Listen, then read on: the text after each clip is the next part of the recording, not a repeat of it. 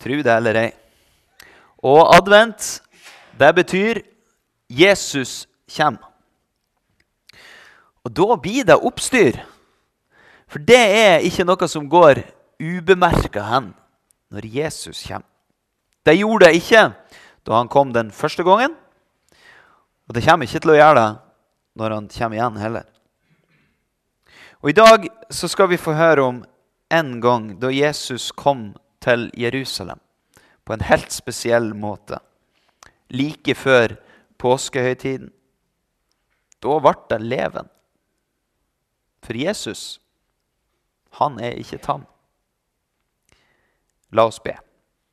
Himmelske Far, vi takker deg for ditt ord til oss, og ber om at du må opplyse oss ved din Hellige Ånd, så vi kan ta imot ordet ditt.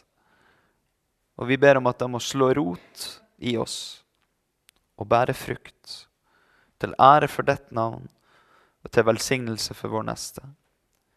For Jesu Kristi skyld. Amen. Dette hellige evangeliet står skrevet hos evangelisten Matteus i det 21. kapittel. Vi leser fra vers 10 i Jesu navn.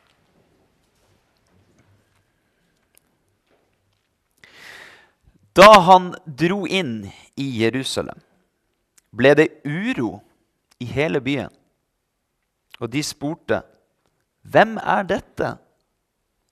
Og mengden svarte, 'Det er profeten Jesus fra Nasaret i Galilea.' Så gikk Jesus inn på tempelplassen og jaget ut alle dem som solgte og kjøpte der. Han veltet pengevekslernes bord og duehandlernes benker og sa til dem, det står skrevet, mitt hus skal kalles et bønnens hus, men dere gjør det til en røverhule. På tempelplassen kom noen blinde og lamme til ham, og han helbredet dem. Men da overprestene og de skriftlærde så undrene han gjorde, og hørte barna som ropte i helligdommen, Hosianna, Davids sønn, ble de forarget og spurte ham, Hører du hva de sier? Ja, svarte Jesus. Har dere aldri lest? Fra småbarns og spedbarns munn har du latt lovsang lyde. Så forlot han dem og gikk ut av byen til Betania. Der ble han natten over. Slik lyder Herrens ord. Hellige Far, hellige oss i sannheten. Ditt ord er sannhet. Amen.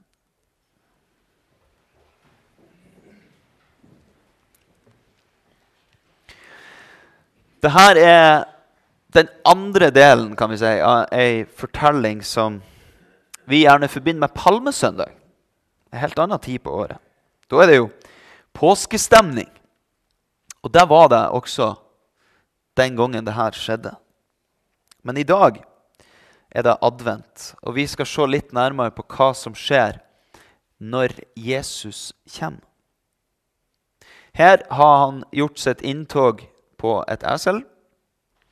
En ydmyk konge som ledsages av jubelrop, palmegreiner, kappe som legges på bakken. Men så tar fortellinga ei vending. Fordi når han kommer fram til Jerusalem, da blir det uro, står det, i hele byen. Det er som om det er et jordskjelv som ryster fundamentene.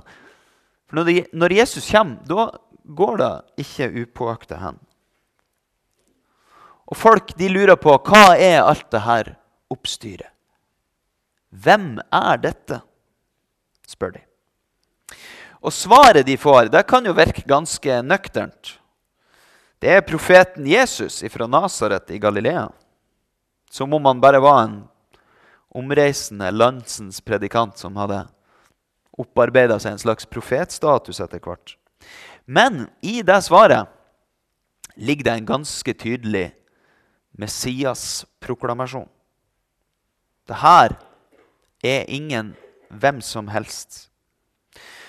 Og når det kommer på tale om Messias, da skjer det jo noe. Da vekkes det en hel del forestillinger og forventninger til livet. Messias, det er jo han som profetene har forutsagt, som hele Skriften vitner om. Og Det var forestillinger som var høyst levende i folket. Ikke minst i forbindelse med påskehøytiden som sto for døra.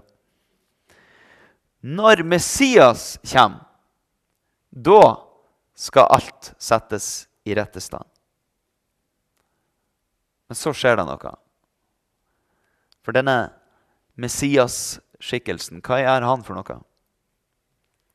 Jo, han oppsøker tempelet. Det er det første han gjør når han kommer til byen. Og Det er jo slett ikke så unaturlig. Tempelet det var jo Guds hus. det. Stedet for tilbedelse og gudstjeneste. Men når han så kommer inn der, hva er det som møter han? Et leven og en handelsvirksomhet som slår enhver julemesse langt ned i støvlene. Det veksles mynter, og det selges offerdyr. Levende offerdyr sådan. Så du kan jo sjøl prøve å forestille deg hvor livlig det må ha vært. Støy og støv og roping og handling. Og Jesus, Messias, han viser ei side ved seg sjøl som er litt overraskende. Den er slett ikke dannet og forsiktig, men han jager folk. Han velter bord og benker. Klarer du å se det for det? Tenk hvis det hadde skjedd her, for en støkk vi hadde fått. Det er noe rått og voldsomt. Men det viktigste, det er jo å lytte til hva han sier. Mitt hus skal kalles et bønnens hus, men dere gjør det til en røverhule, sier han. Altså, denne her handelen var jo i seg sjøl ikke noe umoralsk. Den eh, hadde jo ordna det sånn at folk kunne bære fram de foreskrevne offer og gi penger som ikke var ureine i tempelet. Men denne virksomheten hadde jo flytta inn i sjølve tempelet. Antagelig i den delen som kaltes hedningenes forgård, men likevel. En sånn tilrettelegging som kanskje kan forklares rent praktisk, men som likevel forstyrrer tempelets grunnleggende vesen som stedet for tilbedelse og fellesskap med Gud. Men allikevel så ligger det noe enda dypere i det som Jesus sier. For han sier ikke dere gjør eh, tempelet til en butikk. Han sier dere gjør det til en røverhule. Hva er en røverhule for noe? Jo, det er jo det stedet der røverbanden rømmer når de er ferdig med sine kriminelle handlinger. Gjemmer de seg der, og så er de skjult, og så er de trygge for myndigheter og for lovens lange arm, så å si. Og sånn mener Jesus at tempelet blir brukt. Ofringa av dyr og penger det blir bare en sånn ytre handling som ikke følges av en indre omvendelse. Tempelets murer og ordninger de blir som røverhulens vegger, hvor man søker trygghet, men ikke en ny retning og et rettferdig liv. Og Da blir all den virksomheten der, all ofringa, den blir meningsløs. Da blir den et skalkeskjul for å bare fortsett å leve helt etter sin egen vilje. Og Det blir en falsk sikkerhet, fordi det Herren vil ha, det er jo rettferdighet. Og Derfor så kommer Jesus med denne demonstrasjonen av Guds brennende nidkjærhet. Vi har snakka litt konfirmantene er om det her litt rare ordet nidkjær. At Gud er misunnelig. Det er, det er det han vil ha. Ikke all innpakninga. Og i det som Jesus gjør, så ser vi nidkjærheten. Bort med alt det her falske. Det jages ut og kastes opp ned. Det er en dom. Men så får vi også se noe annet som skjer. Et glimt av evangeliet. For Jesus han helbreda de lamme og de blinde. For vet du hva? De hørte faktisk ikke til der. Det var veldig strenge regler for hvem som fikk lov å slippe til i tempelet. Men for oss så blir de et forbilde på hva gudsforholdet skal være for noe. Fordi de kommer til Jesus i sin nød. Og de som kommer til Jesus på den måten, de kommer han i møte.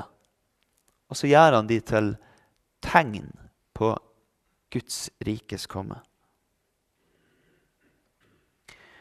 Men lederne, da, de skriftlærde og overprestene, de som skulle ha hatt alle forutsetninger til å kjenne igjen Guds rike, til å kjenne igjen Messias når han står der like foran øynene på dem,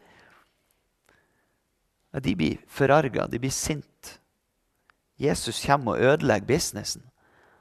Han snur opp ned på det vante og det trygge. Og så det her ropet til barna i sjølve helligdommen. Hosianna, Davids sønn. Det er egentlig et veldig sterkt vitnesbyrd om det som virkelig skjer denne dagen.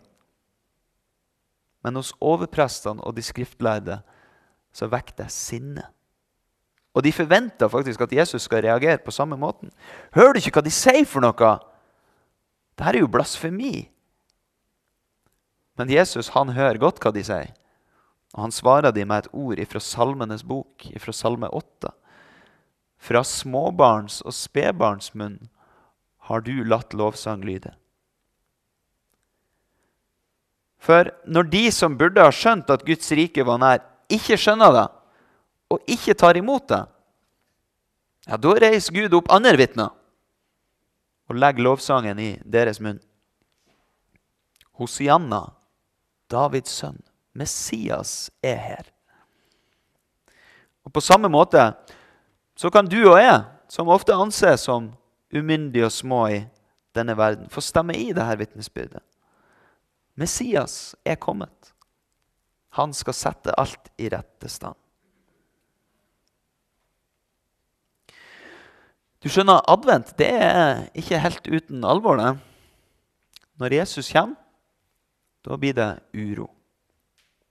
For han snur opp ned på ting. Det ligger en fare i gamle vaner hvis vi bare gjør det uten å lytte. Jeg bruker noen gang faktisk å driste meg til å si at det er farlig å gå i kirka av gammel vane. Det høres jo helt fælt ut. Det er jo ikke sånn at jeg vil at dere skal slutte med det. Men noen ganger så har vi mennesker lett for å tenke at ja, nå har jeg gitt Gud 90 minutter av mitt liv på en flott søndag formiddag. Jeg har lagt igjen pengene mine i kollekten. Jeg har sagt det som skal sies. Nå har jeg gjort mitt. Som om det skulle gjøre oss rettferdig. Noen tenker kanskje at det er det som har med penger å gjøre, som Jesus vil til livs. At hvis Jesus hadde kommet hit, så hadde han jaga ut julemesse og kakebord og den slags. På ingen måte. Det måtte i så fall være hvis vi kjøpte lodd og saker og ting og tenkte at det var det som gjorde oss rettferdige for Gud. Det håper jeg ikke dere tror. For hvis det skulle være sånn, ja, da var både gudstjeneste og andre gode samlinger blitt en røverhule. Ja, da har vi gitt Gud det han skal ha, og så kan vi bare fortsette sånn som vi alltid har gjort. Akkurat sånn som vi sjøl vil. Nei, saken er heller den at her får vi komme med vår nød. Fordi alle våre penger og all vår gjerning og alt vårt strev kunne aldri gjøre oss rettferdig. Men her får vi høre et nådens ord, gratis og ufortjent. Kom til meg, alle dere som strever og bærer tunge byrder. Hva hadde de med seg, de blinde og de lamme som kom til Jesus? Ingenting annet enn sin nød. Sitt desperate behov for å høre til hos Gud. Og det vil Jesus gi oss. Derfor så er egentlig nattverdfeiringa det, det, det beste uttrykket for vårt forhold til Gud. For vi kommer som fattige tiggere, helt tomhendt, uten noe å gi. Men frelsens gave legges i våre tomme hender når de strekker seg fram. Ja, Jesus legger seg sjøl i våre hender. Det var han som jaga ut pengevekslere og duehandlere. All den falske sikkerheten som ble solgt i tempelet. Fordi den plassen var det han som skulle ha. Han er blitt vårt offerlam. En soning for våre synder på korset. Han kommer oss i møte. Og nå har jo ikke vi noe tempel lenger. Ofringa har opphørt fordi han ble ofra en gang for alle. Og tempelet nå, hva er det? Det er du, det. Det er et liv. Og din kropp er et tempel for Guds hellige ånd. Og Jesus han sier, 'Jeg står for døra og banker. Vil du slippe meg inn?' Da jeg var liten, så, så jeg dette bildet av Jesus. Det hang på veggen hos nabodama. En mild og god hyrde som står og banker på ei dør. Og jeg trodde at denne døra tilhørte de som ikke kjente han. Men de ordene der, de er talt til en kristen menighet. Det er hos de som tilhører han, at han kommer og banker på. Du er Guds hellige tempel. Men er det nå blitt så fullt hos deg at det ikke er plass til Frelseren? Ja, da må du høre hans banking og slippe han inn. Da må du la han få rydde på din tempelplass, så det er rom for han. Da vil han komme inn, og så vil han holde måltid med det, og du med han. Og da trenger du ikke noe annet. Ja, advent er alvor. Det er tid for forberedelse. Det er tid for å ta imot Jesus. En tid for omvendelse. For å få rydda plass. Så alt det som ikke hører hjemme i vårt liv, må vike plassen for Han som er kongen. Men advent er også en tid for glede. Fordi han ville komme til meg og det. Han kom for å frelse deg som var fortapt. Vi er på vandring mot Guds rike. Og han kommer oss i møte. Og så skal vi få lov å stemme i jubelropet og gå inn i adventstida med deg. Hosianna, Davids sønn. Velsignet være Han som kommer i Herrens navn. Ære være Faderen og Sønnen og Den hellige ånd, som var, er og være skal en sann Gud fra evighet og til evighet. Amen.